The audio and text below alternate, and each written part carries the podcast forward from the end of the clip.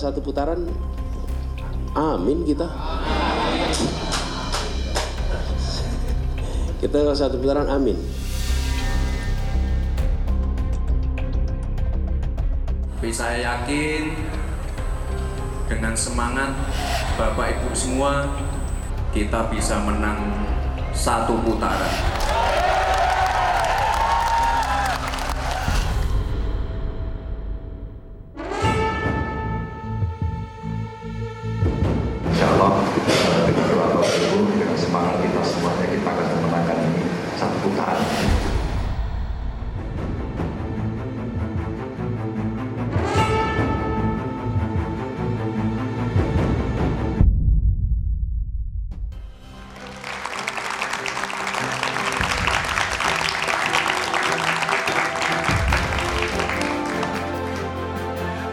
Pilpres masih 34 hari lagi, namun klaim kemenangan dan Pilpres satu putaran terus disuarakan.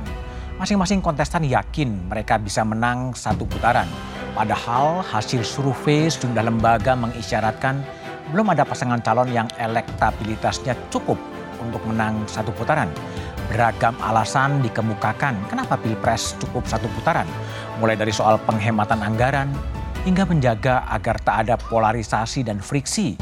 Namun banyak yang menyaksikan Pilpres akan berjalan satu putaran. Meski salah satu kontestan dicurigai didukung oleh Presiden Jokowi. Kenapa narasi Pilpres satu putaran ini terus disuarakan? Benarkah demi penghematan anggaran? Atau jangan-jangan ada kontestan yang tak ingin Pilpres berjalan dua putaran?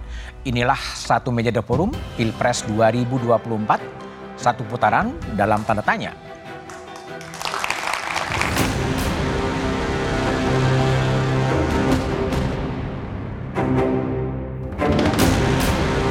Tim kampanye nasional Prabowo Gibran terus menggulirkan opini menang satu putaran di Pilpres 2024. Paling tidak kalau kita bisa aklamasi dan ini sekali putaran saja, mudah-mudahan ini mengurangi biaya dan juga mengurangi tensi. Bahkan katanya ada yang pengen koalisi buat apa namanya? buat eh, berhadapan sama isu satu putaran karena target kita itu pengen satu putaran. Opini satu putaran Pilpres 2024 kencang disuarakan usai sejumlah lembaga survei merilis paslon Prabowo Gibran berada di urutan pertama meski angkanya masih di kisaran 40 persenan. Tentu saja, upaya menggiring opini Pilpres satu putaran mendapat tanggapan berbeda dari kubu dua paslon lainnya. Hari ini survei salah satu calon di atas 51 persen, ah itu bisa satu putaran pasti. Tapi kan ini dinamikanya panjang nih, belum tentu. Secara objektif tidak mungkin uh, satu putaran. Yang bisa adalah dua putaran. Saya kira realistisnya sih uh, dua putaran uh, mestinya. Jelang debat Capres 7 Januari lalu, Presiden Joko Widodo melakukan pertemuan empat mata bersama Ketua Umum Partai Gerindra Prabowo Subianto, Ketua Umum Partai Golkar Airlangga Hartarto, dan Ketua Umum PAN Zulkifli Hasan. Jamuan makan empat mata disebut menjadi sinyal kuat dukungan Jokowi terhadap koalisi Indonesia Maju sekaligus kencangnya opini Pilpres satu putaran. Oh, ketemu malam hari, ketemu hari libur kan. Dan makan juga. Bahas pemerintahan ada, bahas pilpres juga ada. Kalau makan pun nggak apa-apa. Kalau Pak Jokowinya netral. Pak Jokowi netral. Kalau buat saya pasti itu sudah menunjukkan sikap berpihak begitu ya. Kalau saya sih biasa saja. Ini kan bertugas. Yang satu bertugas sebagai presiden, yang satu bertugas sebagai menteri, kemudian ada pertemuan, ya sah-sah saja, tidak ada masalah. Lantas benarkah pertemuan Jokowi dengan ketum parpol Koalisi Indonesia Maju mampu menaikkan elektoral Prabowo Gibran dan menggiring Pilpres 2024 tuntas dalam satu putaran?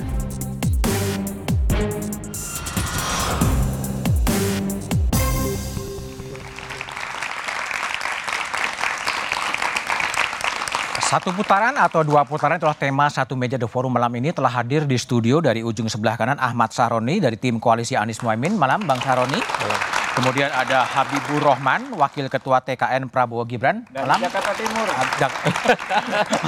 Habib, di sebelah kanan saya ada Eri Kosotardugo, anggota TPN Ganjar Selamat Mahfud. malam, Assalamualaikum. Dan di sebelah kiri saya ada senior fellow dari CSIS, Philip Vermonte.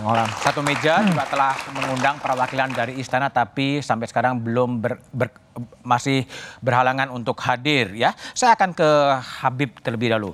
Bib, eh, apa Prabowo Gibran memang sangat getol untuk menyuarakan satu putaran. Visible nggak sebenarnya dengan sejumlah lembaga survei yang masih belum ada yang berada di atas 50 persen? Ya, kita bicara dalam konteks objektif dan subjektifnya dulu, Pak. Secara objektif kan eh, konstitusi kita mengatur pemilu itu bahasanya bukan satu putaran atau dua putaran. Ya. Di 6A ayat eh, 3 ya disebutkan pemilu yang dapat 50% lebih Hmm. maka dia dilantik sebagai cap- eh, presiden dan wakil presiden. Dalam hal di ayat 4-nya ya kan jika tidak ada yang menyampai 50% Dua maka ah, ada apa namanya? Satu dan dua. Ya, ada pemilihan yang kedua. Jadi satu putaran, dua putaran secara objektif ah, adalah hal yang sama-sama konstitusional. Hmm. Tidak ada nilai jelek di satu putaran atau dua putaran dalam konteks moralnya nggak ada. Nah, yang dua itu adalah cadangan apabila tidak ada calon yang menyampai apa dapat angka ah, 50% lebih. Nah, itu dia objektifnya. Secara subjektif tentu semua ingin satu putaran Hmm. ya. Saya mencatat benar bahwa yang pertama menyampaikan satu putaran itu justru Pak Arsyad Rashid. Ya, lalu ada Pak Anies, baru belakangan eh, Mas Gibran Rakabuming. Nah, kalau kita mengacu pada subjektifme masing-masing, siapa yang nggak ingin satu putaran? Ya. Ya kan? Karena tentu bukan hanya nilai 17 triliun, bukan hanya angka 17 triliun. Penghematan. Bukan hanya itu, tapi banyak hal lain yang menurut saya eh, bisa lebih bermanfaat. Hmm. Kalau sekali selesai bisa 50% lebih. Siapa pun Ya. yang menang. Siapa pun yang menang. Ya misalnya eh, kita bisa kembali fokus ngurusin eh, apa namanya Rakyat. tugas masing-masing. Pemerintahannya juga bisa maksimal ngurusin rakyat. Ya. Kemudian juga ini ada mungkin ratusan ribu penyelenggara bisa langsung juga selesai pekerjaannya. Menurut saya itu kan nilai yang besar sekali. Yang paling penting juga di sektor bisnis ya. Teman-teman yang wait and see dan lain sebagainya Segera ada kepastian, ya, ya? segera ada kepastian bisa mengeksekusi rencana-rencana bisnisnya. Dan ini tentu efek dominonya panjang sekali. Tapi Pragi tetap berupaya untuk satu putaran. ya tentu. Semua seperti halnya Pak uh, Arsyad Rashid dan kawan-kawan Pak uh, apa namanya Pak Saroni dan kawan-kawan tentu kita berupaya maksimal supaya bisa satu putaran. Kalau dari segi angka terakhir tadi dari Ipsos, Mas. Ipsos itu salah satu lembaga survei juga yang launching tadi sore uh, 48,05. Oh, kurang persen. satu setengah. Ya, Oke. kurang satu setengah persen. Saya pikir sangat realistis. Hmm. Dalam waktu masih ada 30 hari, ya kami ini kan sekarang gencar uh, serangan d- darat, ya, Hmm. yang gencar ya. Kita bisa kejar 3 sampai 4 persen. Oke, kurangan. baik. Bung Saroni, menurut Anda dengan sejumlah indikator lembaga survei, realistiskah sekarang kemudian eh, bisa satu putaran Pilpres 2024? Nggak realistis ya. Nggak realistis, kenapa? Saya yakin dua putaran. Kenapa? Kenapa? Kalau menurut Pak Habib kan langkahnya satu ada penghematan. Hmm. Wait and see para investor asing atau investor eh, dalam negeri misalnya. Kondisinya sekarang kan negara dalam fokus pemilu. Republik kita ini hampir 300 juta orang. Apakah 300 juta ini pada pemilih-pemilih yang di daerah mungkin yang tidak melihat TV hanya melihat siapa yang lebih kompeten akan menjadi seorang capresnya. Tapi kalau untuk menjadi satu putaran itu sah-sah saja karena upaya untuk eh, memenangkan agar mungkin tidak ada kelelahan kedua kali. Tapi lebih baik, lebih baik bila tiga eh, anak tok, anak bangsa ini lebih baik harus ada dua putaran. Bukan Kenapa? masalah duitnya. Ah, tapi Kalau duitnya untuk penghematan, ya udah nggak usah ada pemilu. Lebih hemat lagi tuh. tadi Fahri aklamasi malah. Nah, kalau ngomong aklamasi, kan kalau Fahri pikirannya sekarang lagi pada posisi agak galau dia. ya karena memikirkan aklamasi emang ini dipikir kayak eh, pemilihan HIPMI. Ya. Yang gampang, coplok, coplok, coplok. Ah. Udah, yaudah ya, lu pilih si A, pilih si B, si A, si B. Udah, udah aklamasi aja. Oke. Ini kan negara. Oke. Karena ini negara, luasannya seluas-luasnya, maka ini jangan main-main. Hmm. Jangan main-main juga menarasikan seolah-olah semua bisa. Oke. Tapi ada, upaya. Kalau upaya itu wajar-wajar Wajar saja. ya. Target. Ya paling yang nggak punya target cuman amin aja. Ya pada posisi tengah aja lah duduk. Tinggal menunggu. Tinggal menunggu mukjizat menang menang di satu putaran atau menang dua putaran gitu. Oke, baik. Kita coba dengar tadi ya pidato dari eh, Ketua Umum PDI Perjuangan Megawati Soekarno Putri di tadi siang pada saat eh, HUT PDI Perjuangan. apa pun kebohongan, pasti kebenaran akan mengejarnya. Jadi insya Allah kita akan menang satu putaran. Siap! Bung Eriko, Ya. siap satu putaran meskipun pada saat sekarang pasangan nomor 03 di nomor 2 atau di nomor 3 peringkat. Mas Budiman, masih ingat nggak kita bicara di sini terakhir dengan Bestian Nenggolan? Ya. Ya, bahwa baru dari itu dari hasil survei itu, Hmm. baru 56 persen yang menentukan pilihan. Oke. Masih ada 44 persen yang belum. Hmm. Jadi artinya kemungkinan satu putaran yang disampaikan Ibu Mega tadi bisa. Satu bilang putaran untuk Untuk nomor tiga kan satu tambah dua putaran kan tiga hasilnya. kan begitu kan? Nah, maksud saya Ya, bukan ya. tidak mungkin, sangat mungkin. sangat mungkin. Sangat mungkin. Gimana Anda Nah, menjelaskan? sekarang begini, pada terakhir kita bertemu itu, saya sudah sampaikan, ini saya menduga loh. Hmm. Nah, tadi uh, saudara saya Habibur Rahman sudah menyampaikan, itu survei apa tadi? I- Ipsos. Ipsos apa? Ipsos, ah, belum pernah dengar memang. Hmm. Uh, Itu internasional. 48 setengah persen. Waktu itu kan saya sampaikan. Ya, nanti 8,6. awal Januari, lihatlah nanti Mas Budiman, sudah dekat-dekat 50 persen. Nanti awal Februari 60 persen. Nanti lihat. Ada hasil jadi survei. ahli nujum gitu? Karena kenapa? Betul kan yang saya sampaikan? Bahwa ini memang sudah diarahkan. Oh. Sah-sah sajalah berusaha untuk satu putaran. Tapi begini, yang paling penting bagi mm, rakyat adalah kebenaran harus disampaikan. Satyam Eva Jayati. Hmm. Tadi sudah, sudah disampaikan eh, apa Bung sama Saroni. Bung Saroni. Ini kan bukan persoalan mau menghemat. Ada kalau gitu ya enggak usah. Enggak usah kita pemilu kalau mau menghemat. Ya kan begitu. Tapi di sini yang paling penting suara rakyat. Jangan nanti memilih ini bukan karena suara rakyat, tapi karena dikondisikan. Itu yang tidak boleh. Hmm. Itu itu yang harus kita Emang ada yang kondisikan? Loh, lihat saja. Apa yang tidak ada? Tadi kan sudah saya bilang survei. Benar kan yang saya sampaikan? Udah deketin 50. Nanti lihat awal Februari.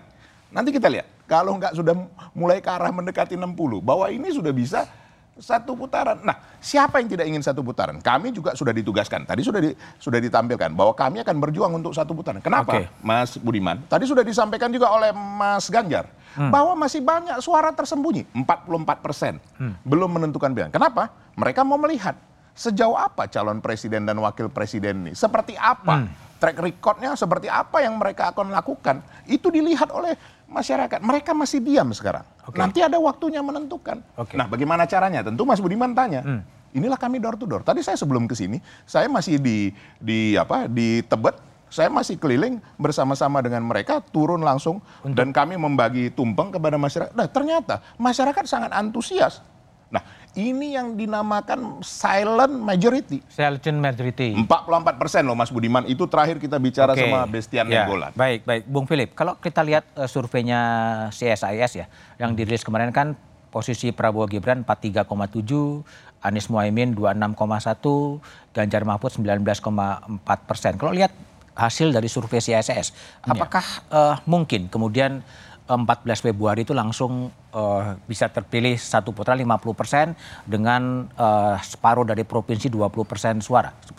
Uh, situasi kan masih dinamis ya, karena ada debat yang berjalan yang mungkin mempengaruhi pilihan. Kemudian juga caleg-caleg lagi di bawah semua berkampanye untuk dirinya sendiri dan juga untuk capres partainya gitu. Jadi memang ada ruang-ruang di mana dinamika itu masih terjadi. Menurut saya ada dua hal yang mau saya sampaikan. Yang pertama terkait dengan anggaran. Hmm. Demokrasi itu memang harus dibiayai. Jadi memang kalau kita punya prinsip untuk melakukan demokrasi ini memang kita harus biayai. Gitu. Kalau dia mahal ya memang harus dibiayai. Konsekuensi. Kenapa? Yang, yang pembiayaannya lewat anggaran. Tapi otoritarianisme itu biayanya bukan uang. Hmm. Ada mahasiswa yang tertembak mati tahun 98. Ada orang-orang yang mungkin eh, tidak bisa menyampaikan aspirasi, masuk penjara, hilang dan lain-lain gitu. Dan itu bisa tertumpuk ketika menjadi otoritarian, sepertinya tidak ada biaya bagi demokrasi, tetapi kos nyawa, kos kebebasan, pada ujungnya menghasilkan kos yang material juga. Seperti kita alami tahun 97 krisis ekonomi, karena sistem yang tidak terbuka. Kemudian akibatnya kosnya bertambah. Ada kos finansial, ada kos non material gitu. Yang biayanya tinggi sekali dan ini pengalaman kita gitu. Jadi kalau misalnya yang mau disampaikan adalah pemilu harus satu putaran karena anggaran menurut saya itu tidak tepat. Hmm. Tapi kalau memang satu putaran karena pilihan masyarakat, kemudian dari apa namanya dari pergerakan kampanye yang sistematis dan lain-lain dia menjadi satu putaran itu mungkin hal lain gitu ya. Tetapi menurut saya kurang pas kalau yang disampaikan adalah soal anggaran karena kos tidak ada pemilu dan tidak ada demokrasi itu pada akhirnya jauh lebih besar. Dan kita Oke. sudah pernah mengalaminya gitu. kan. Baik, Jangan sampai baik. kita terulang lagi Jadi bisa aja tetap satu putaran, bisa juga dua putaran kalau itu sejauh pilihan rakyat. Tapi juga fenomena politik mutakhir ini ada pertemuan pertem- pertemuan presiden dengan Pak Prabowo, dengan Bang Zulhas, dengan Pak Erlangga. Apakah itu juga indikasi untuk memper, me- apa, menggolkan wajah Pilpres 14 Februari? Kami kembali setelah jeda berikut ini.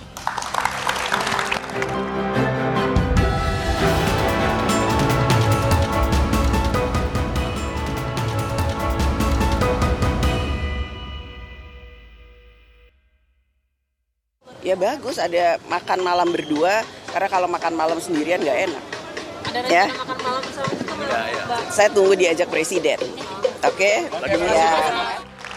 Oke. Itulah Puan Maharani makan malam kalau berdua lebih asik dan Mbak Puan juga menunggu diajak makan presiden. Betul? Menunggu. Mas Budiman, saya ini berjuang untuk Pak Jokowi dari 2012, 2014, 2019. Nggak pernah diajak makan. Sekalipun belum pernah diajak makan. Oh, iri. Lah bukan soal iri.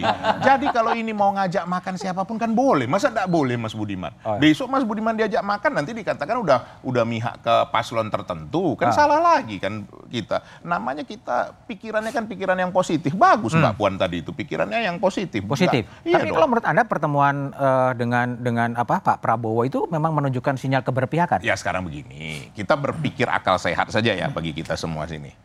Makan boleh nggak nggak usah ditampilkan? Hah?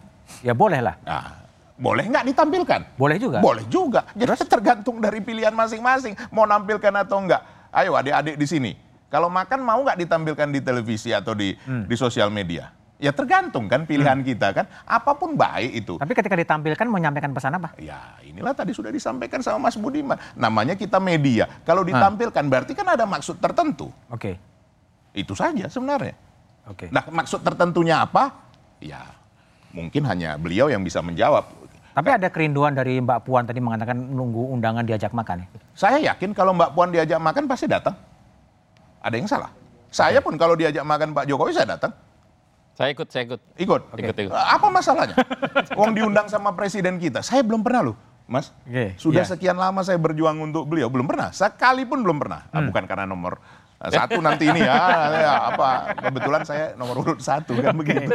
Oke, jadi no problem ya mau ditampilkan mau nggak ditampilkan terserah Iya. pada publik menafsirkannya seperti apa. Ya, seperti apa? Oke. Karena begini, yang saya tahu kalau makan secara khusus misalnya kita dengan keluarga, enggak mungkin kita menampilkan di televisi atau di media sosial. Itu biasanya kan begitu kan. Nah, tapi kalau kita memang punya maksud sama seperti ini. Kompas TV kenapa mengundang Eriko dalam hal ini? Karena kenapa? Mau tahu pandangannya Eriko sebagai PDI Perjuangan, sebagai paslon nomor tiga, apa? Ah, itu kan wajar.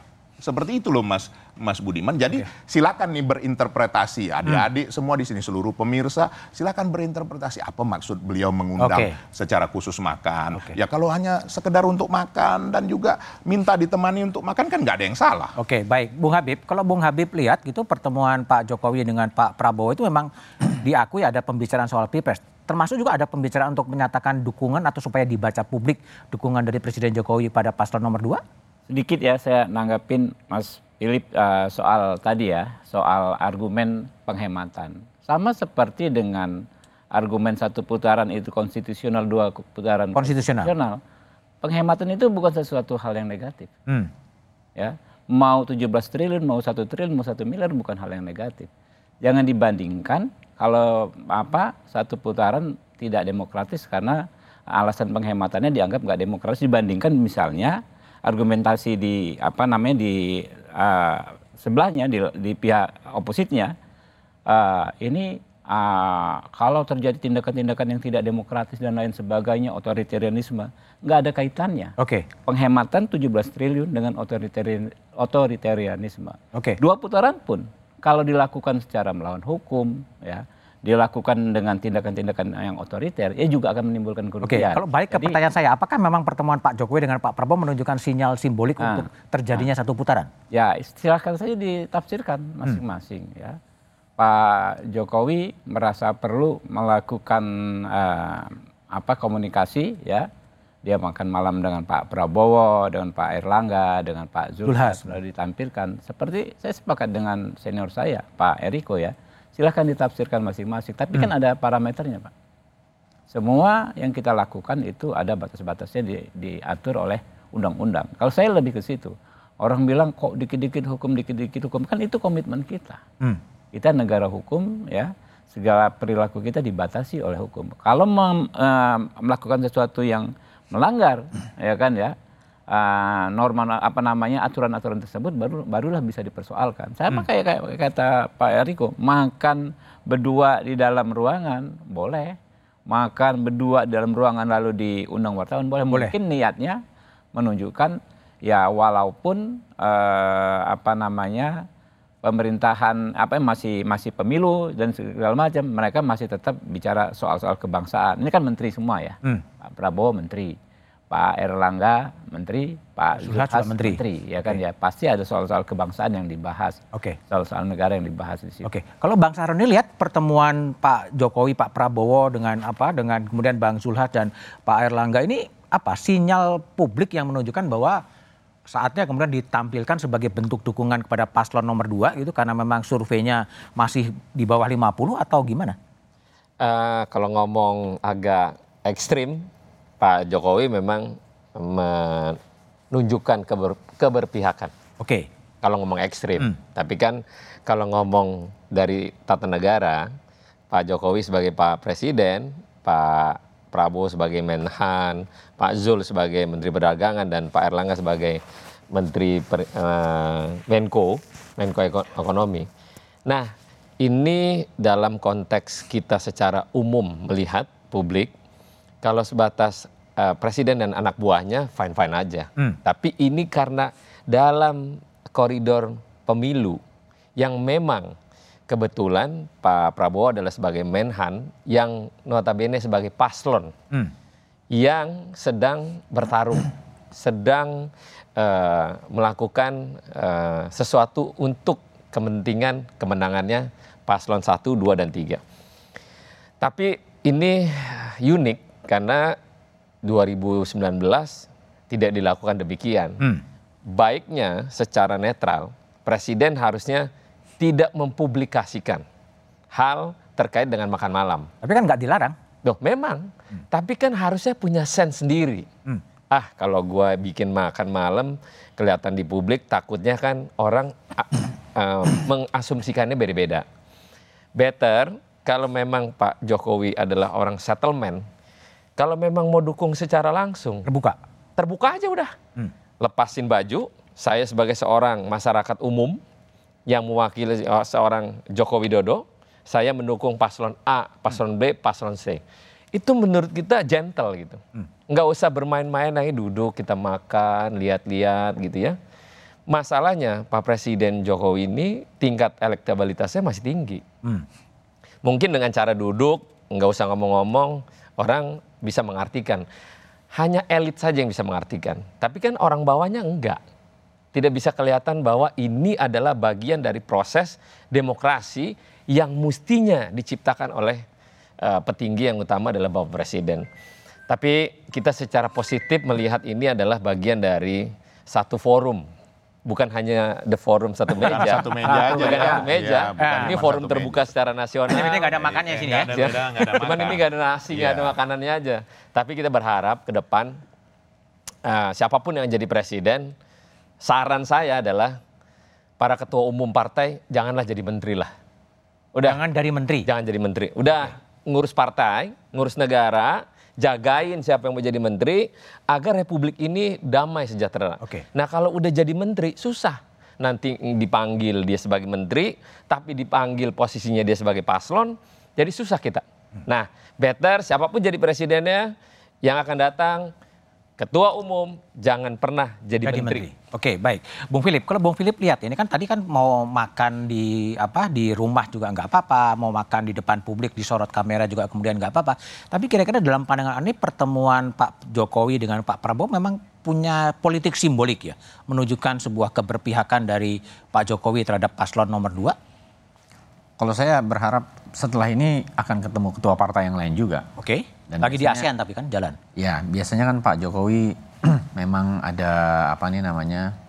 ada sense ya. Hmm. Ketika kemudian menjadi kontroversi, ya mungkin saja setelah ini akan menemui semua ketua partai yang lain. Hmm. Itu kan uh, mungkin itu akan menetralisir bahwa apa yang dilakukan kemarin itu terhadap ketua-ketua partai ini bisa diartikan, disalah artikan sebagai memberi dukungan gitu. Tetapi satu hal nih Mas uh, Budiman, sebetulnya presiden kita yang lewat proses pemilihan langsung hidup dalam uh, berkuasa dalam konteks kontestasi elektoral pilpres langsung baru dua, hmm. namanya Pak SBY dengan Pak Jokowi. Jadi sampel kita itu cuma dua. Jadi pasti apa pun yang mereka lakukan itu ada sesuatu yang baru yang tadi sampaikan Bang Syaroni mungkin ada sense yang belum uh, terbangun atau belum ada rule of the game yang konkret, yang nyata gitu. Uh, apa yang boleh dan apa yang tidak boleh bagi seorang presiden. Ini menurut saya bagian dari sebuah proses di mana uh, banyak sekali memang yang belum kita uh, atur hmm. terkait dengan pemilu, terkait dengan lembaga kepresidenan, RUU terkait dengan hmm. kampanye dan lain-lain. Karena memang contohnya baru dua presiden dan uh, apa pun yang mereka lakukan pasti sering bikin kaget-kaget juga gitu. Uh, karena kita uh, mereka ini yang akan menjadi contoh utama gitu sejauh ini. Pak SBY sudah lewat, sudah 10 tahun. Pak Jokowi sekarang kan menjelang uh, akhirnya, menjelang akhir dari periode kepresidenannya. Dan harusnya nanti DPR yang terpilih ke depan ini bapak-bapak yang ketiga ini kan pasti terpilih hmm? nih kelihatannya. Ya. Kobul. eh, dapil satu, dua, Terus tiga. Apa harapannya apa kalau terpilih? mereka harus membuat regulasi yang regulasi. lebih ketat terhadap berbagai lembaga, lembaga kepresidenan, dan sehingga aturan lebih clear gitu hmm. untuk uh, dilakukan oleh presiden yang akan datang. Oke, jadi uh, Presiden Jokowi sebetulnya juga bertemu dengan pimpinan-pimpinan partai politik dan juga mengakui ada pembicaraan soal pilpres. Tapi bagaimana dampaknya kita jeda, kita bahas setelah jeda berikut ini.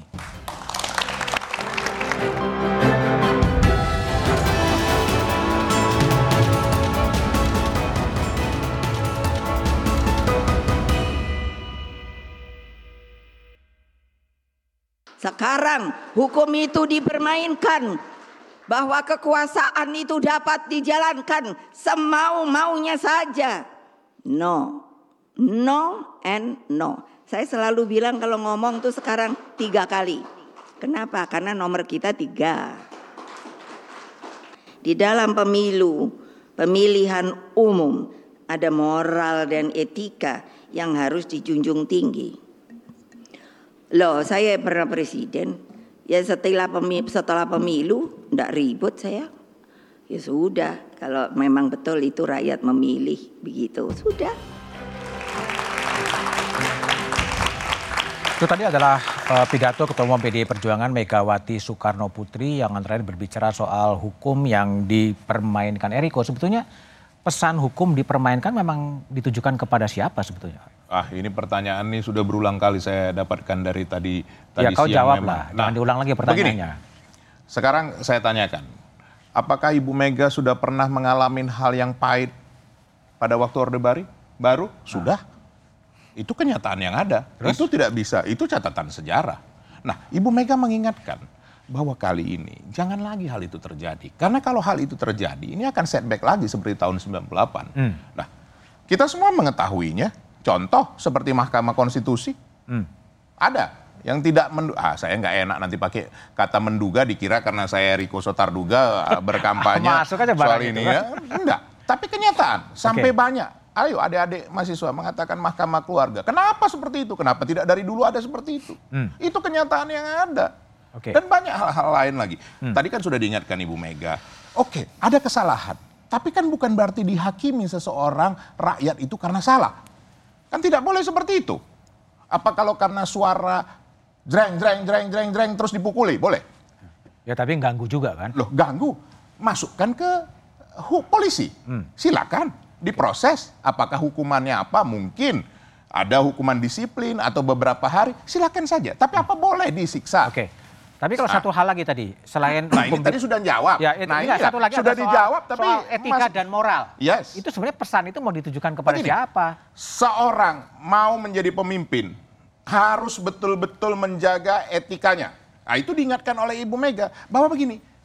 Nah, kan tadi nanti Mas Mas Budiman mau tanya, kenapa sih Bapak Presiden Joko Widodo pergi ke Filipina? Tadi Hmm, nanya hmm. begitu di Ah. di sebelum Ya. siaran ini. Saya sampaikan, itu kan wajar-wajar saja mau pergi ke mana pun atau apa pun yang dilakukan. Karena ini pada saat ini situasi perekonomian tidak mudah. Ini ingin mempersatukan ASEAN pada masa-masa terakhir dari kekuasaannya beliau. Nah, tapi sekali lagi kita kembali ke hal tadi. Bahwa Ibu Mega mau mengingatkan dengan sungguh-sungguh. Pemilu ini bukan main-main. Untuk apa diadakan pemilu kalau tidak ini berjalan langsung umum, bebas, rahasia, jujur, dan adil? Ya nggak doa usah. Untuk apa? Kami sama Mas Habibur Rahman sama Bung Ahmad Saroni sudah membuat undang-undang ini. Kan ini harus dijalankan dengan konsekuen. Jangan ada melanggar hukum. Kalau memang salah, ayo Bawaslu, Panwaslu, silakan ditindak. Itu Ibu Mega kan mengingatkan itu. KPU. Oke. Nah, ini yang dilihat. Sekarang apakah masyarakat tidak tahu? Tahu. Makanya ada silent opera, majority. Oke, baik. Bung Saroni, kalau Bung Saroni lihat gimana ya? Soal Enggak, tadi kan enggak, yang tadi gue mau nanggapin dulu. apa tuh yang apa Enggak tanggapin? bahaya tah. Nggak bahaya tak? Oke soal etika dan moral dan kemudian presiden kemudian bertemu dengan tiga menterinya dan ke- eh, kemudian menjelang debat ini gimana? Apakah sesuatu yang pantas dilakukan? Pantas saja kalau pembantu dan presiden kan? Sebenarnya gini kan tadi eh, saya juga udah nyampein kalau ngomong ekstrimnya Pak Presiden harusnya tidak lakukan itu. Secara etika Presiden harus menjadi tokoh eh, pimpinan bangsa ini melihat para paslon bertarung. Hmm. Bukan pada mempertontonkan satu silaturahmi yang memang dilakukan. Bapak saya Ketua Umum Surya Paloh ketemu nggak pernah mau dibuka, diumpetin terus. Ketemu dengan siapa? Dengan Pak Presiden. Oh, Oke. Nggak pernah. Dipampang lagi nggak pernah. Selalu diumpetin ada berita, tahu-tahu ada berita rame di wartawan. Eh, benarkah Pak eh, Ketua Umum eh, Nasdem ketemu Pak Presiden misalnya gitu. Nah ini kan satu hal silaturahmi seorang oleh seorang bapak negara mestinya ke semua ketua umum kumpulin, datengin dan bicarakan bahwa pemilu ini kalian harus menjamin semuanya aman, damai dan tidak ada terbengkalai. Kan itu bagus. Tapi kalau mempertontonkan hanya kepada eh, koalisi yang eh, paslon seseorang misalnya, kan nanti dampak yang berbeda dilihat orang kenapa ya kok Pak Presiden hanya ngundang ketua umum partai pada paslon A misalnya gitu. Kenapa nggak semua Pak Ketua Umum diundang dengan konsep yang sama, tapi semua dipertontonkan. Oke. Itu lebih menarik mungkin daripada akhirnya cuman tiga ketua umum gitu. Oke, Bung Habib, kalau kita sedikit bergeser dari pertemuan partai politik ya, tapi kan kemudian setelah debat yang kata orang itu cukup panas ya, cukup panas, itu kemudian presiden juga kemudian meminta agar format debat itu diubah, eh, di- disesuaikan karena lebih ke cenderung saling saling serang personal, tapi nggak ada visi dan misinya. Anda menanggapinya gimana terhadap permintaan presiden itu? Ya silakan saja ya, Pak Presiden kan juga bagian dari warga negara. Warga negara? melihat, ya. Oke. Dia melihat ah, apa debat sejak pertama, kedua, ketiga, tentu semua orang punya masukan. Hmm. Ya, kita pribadi tentu juga punya banyak masukan. Pengen dapat yang lebih uh, berkualitas debatnya tersebut. Tapi kembali soal uh, makan-makan itu tadi, saya sepakat dengan pendapatnya Pak Saroni waktu awal tadi. Presiden silahkan kok sebagai warga negara berhak ya kan ya. Karena apa? Karena konstitusi kita mengatur seorang presiden incumbent bisa maju kembali. Hmm. Jadi kalau kita ngomong tadi mempersoalkan makan-makan itu nggak relevan lagi karena kita presiden incumbent saja boleh maju kembali kok. Hmm. Teman-teman mohon maaf Pak Saroni ya 2019 nggak pernah mempersoalkan nggak pernah uh, itu Pak Jokowi waktu itu nggak pernah ngajak Pak Prabowo makan misalnya Hmm. partai pendukung Pak Prabowo makan oh jelas-jelas beda koalisi Hmm. bahkan Pak Jokowi kampanye untuk dirinya sendiri Hmm.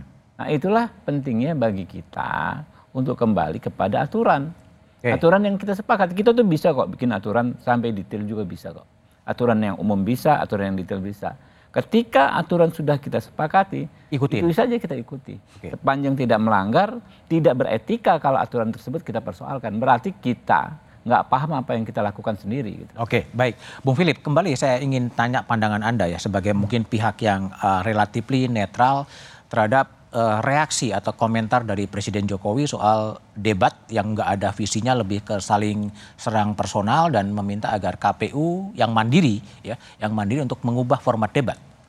Sebetulnya apa yang ingin disampaikan oleh Presiden? Em, kebetulan saya kan panelis ya. Oh, kebetulan panelis. Mungkin Cocok. eh, agak agak kurang etik sebetulnya untuk mengomentari itu. Tapi eh, menurut saya begini, masalah utamanya itu adalah waktu yang nggak cukup.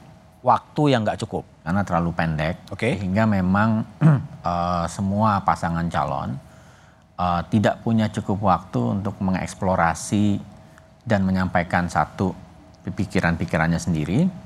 Dua, juga tidak bisa dengan cukup merespon apa yang disampaikan oleh mungkin eh, lawan debatnya dalam segmen-segmen perdebatan itu. Akibatnya adalah ada muncul kayak eh, kembang api kembang api seperti yang kita lihat dan sebetulnya kalau menurut saya itu eh, agak wajar lah Eh, karena memang debat itu Yang wajar apa? Permintaan untuk me- memreformulasi debat? bukan Eh, letupan-letupan Oh, letupannya. itu itu menurut saya wajar eh, dalam debat apalagi yang disiarkan langsung secara televisi lewat televisi yang ditonton oleh puluhan juta eh, penonton gitu dan menurut saya eh, yang harus ditambah mungkin adalah waktunya Eh, karena eh, agar memberi ruang yang cukup gitu dan eh, dan ini kira-kira yang paling penting yang harus dilakukan oleh eh, teman-teman di KPU untuk pemilihan yang akan datang.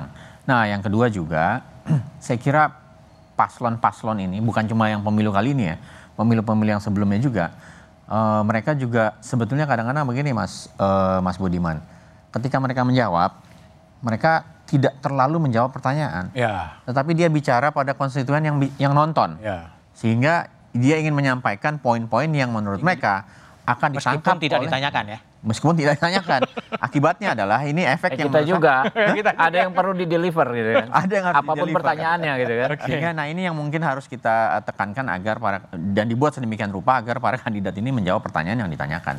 Oke, jadi memang tetap menjadi problem apakah jalannya pemilu ini bisa berjalan satu putaran atau dua putaran. Kita bahas setelah jeda berikut ini.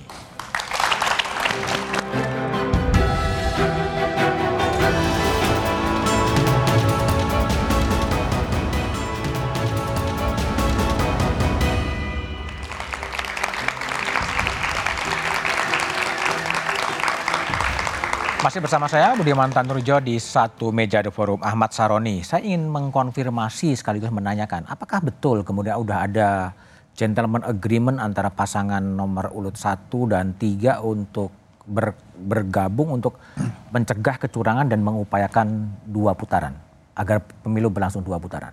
Belum ada, belum belum ada. Nggak ada gentleman agreement mungkin eh, satu dan tiga melihat cara pandang eh, demokrasi yang akan eh, berlaga di 14 Februari ada memungkinkan untuk dua putaran nggak nggak salah juga untuk berkomunikasi lebih lanjut karena proses demokrasi ini sangat dinamis. Hmm. Eh, tadi Pak Habib mengupayakan satu putaran, tapi kita menganggap bahwa satu putaran itu nggak mungkin. Tapi upaya untuk satu putaran adalah bagian target dari paslon nomor dua. Kalau paslon nomor satu dan mungkin paslon nomor tiga eh, sifatnya adalah bagaimana cara menyajikan eh, di ruang publik nah, tentang debat-debat nanti. Inilah penentu pemilih yang pada akhirnya kalau Pak Eriko tadi bilang ada 44 persen yang masih gamang untuk memilih, maka itu adalah tempat di mana orang bisa memilih pada saat debat dua dua dua terakhir ya wapres sama eh, capres. Tapi eh, karena sifatnya dinamis, ini kan kita antara paslon satu paslon dua mungkin agak gemes-gemes dikit lah. Gemes-gemes dikit. Gemes-gemes eh, agak kesel-kesel kalau ada paslon A, paslon B misalnya. Hmm. Nanti kalau sudah ada pemenangnya tanggal 14 Februari mungkin jam 5 sore. Jam 5 mungkin. sore. Bisa saja nanti bertiga atau berdua atau sendirian eh, berse seirama untuk saling nelpon. Eh, lu gimana? Nih oke nggak nih? Misalnya gitu. Atau Yang oke apa itu?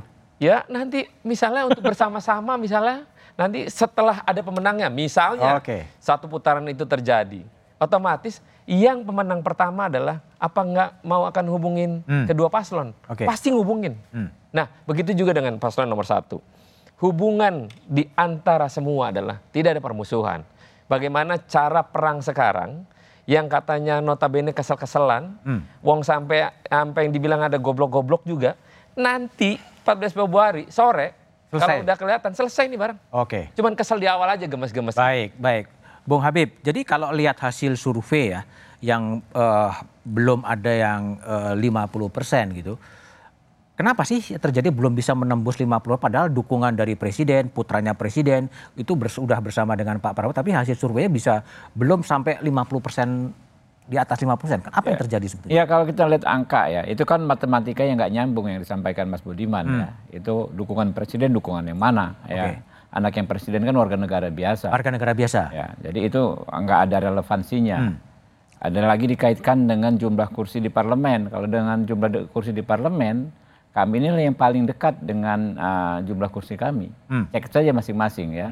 Uh, paslon satu didukung uh, tiga partai, ternyata angkanya jauh di bawahnya. Paslon tiga juga demikian. Tapi yang paling penting ya, uh, kita ini kan melakukan semuanya dalam konteks uh, demokrasi. Ya, mau satu putaran itu bukan sesuatu hal yang tidak demokratis. Tidak boleh. Hmm. Ya, saya juga menyampaikan soal logika-logika penghematan itu juga bukan logika yang sesat. Itu benar kok, itu kan ya sepanjang caranya dilakukan dengan demokratis. Kami dalam konteks komunikasi elit nih, Mbak. Elit tentu kita orang politik punya kepentingan masing-masing. Semua pengen menang, semua pengen menang satu putaran, ya kan? Nggak bakal bisa saya bilang Pak Eriko, oke Pak Eriko kita satu putaran aja, nggak bakal bisa. Tapi di grassroots kita dapat fakta, ya. Kalau pilpres ini apa eh, tadi angka semua survei ya tiga paslon saat ini kami itu unggul sekitar 20 persen. Cukup cukup tebel pak ya dibanding eh, yang kedua mau survei mana saja. Lalu kalau di tingkat apa namanya di putaran kedua berhadapan dengan misalnya Pak Ganjar mohon maaf ya di LSA di indikator kalau nggak salah kami ini 58 persen. Ketika berhadapan dengan Pak Anies kami juga 58 persen. Artinya kami mencatat ada sebagian orang ya yang saat ini memilih Pak Ganjar, tapi hatinya juga ada Pak Prabowo. Oke. Kalau Pak Ganjar nggak lolos ke putaran kedua, Sudah pasti maka ke Pak Prabowo. Pak Prabowo jumlahnya besar. Demikian juga ada pemilih jadi grassroots. Ini kita bicara grassroots ya, bukan elit. Ya. Grassroots ini kan nggak gampang di sini.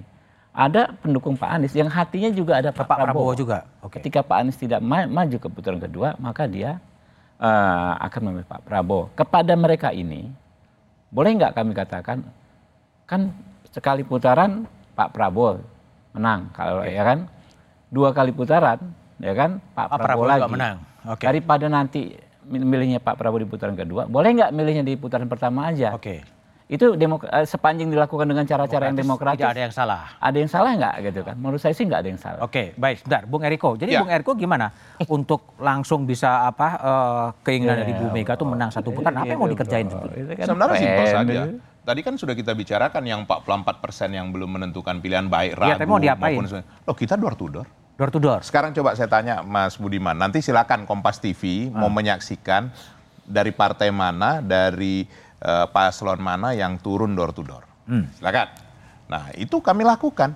Saya sampai hari ini sudah lebih dari 30 ribu rumah. Hmm. Target nanti sampai akhir Nggak capek ya? akhir itu 60 sampai 70 ribu rumah. 70 ribu rumah loh. Satu rumah itu ada yang 4 5 orang, ada yang 12 orang tinggal. Itu boleh. Nanti kalau mau ikut Kompas TV silakan supaya nanti bisa melihat sendiri apa yang dilakukan. Bahwa betul yang dikatakan Mas Ganjar tadi masih banyak silent majority. Sekarang begini, kalau hasil survei seperti itu, apakah hasil survei 2019? Nah, boleh tanya sama uh, Bung Habib Rohman. Kami 2019 ini bertempurnya jauh lebih keras dari ini ya, Bung Habib Iya. Rohman. Wah ini ini belum apa-apa, jujur saja. Ini wah ini sangat sangat apa sangat apa ya Asik ya? ah, asik ini. Santuy. Sa- ya santuy apa. Wah kalau 2019 waduh kita Belum mulai ini- udah bentak-bentakan oh, kita. udah bentak-bentakan.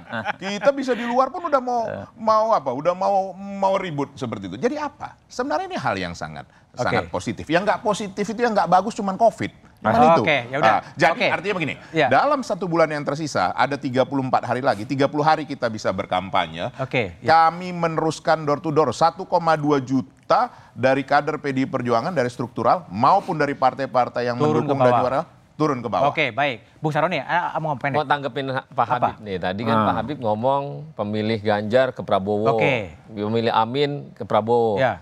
Nah, pemilih Prabowo itu banyakan ke Amin. Amin juga. Ah, Oh, oke. Jadi Ya. harus fair Taunya juga dari mana? Eh, Ya, boleh, enggak. boleh. Bukan bukan nggak fair. Saya boleh ngomong, Om Roni boleh ngomong. Iya. Sama gitu kan.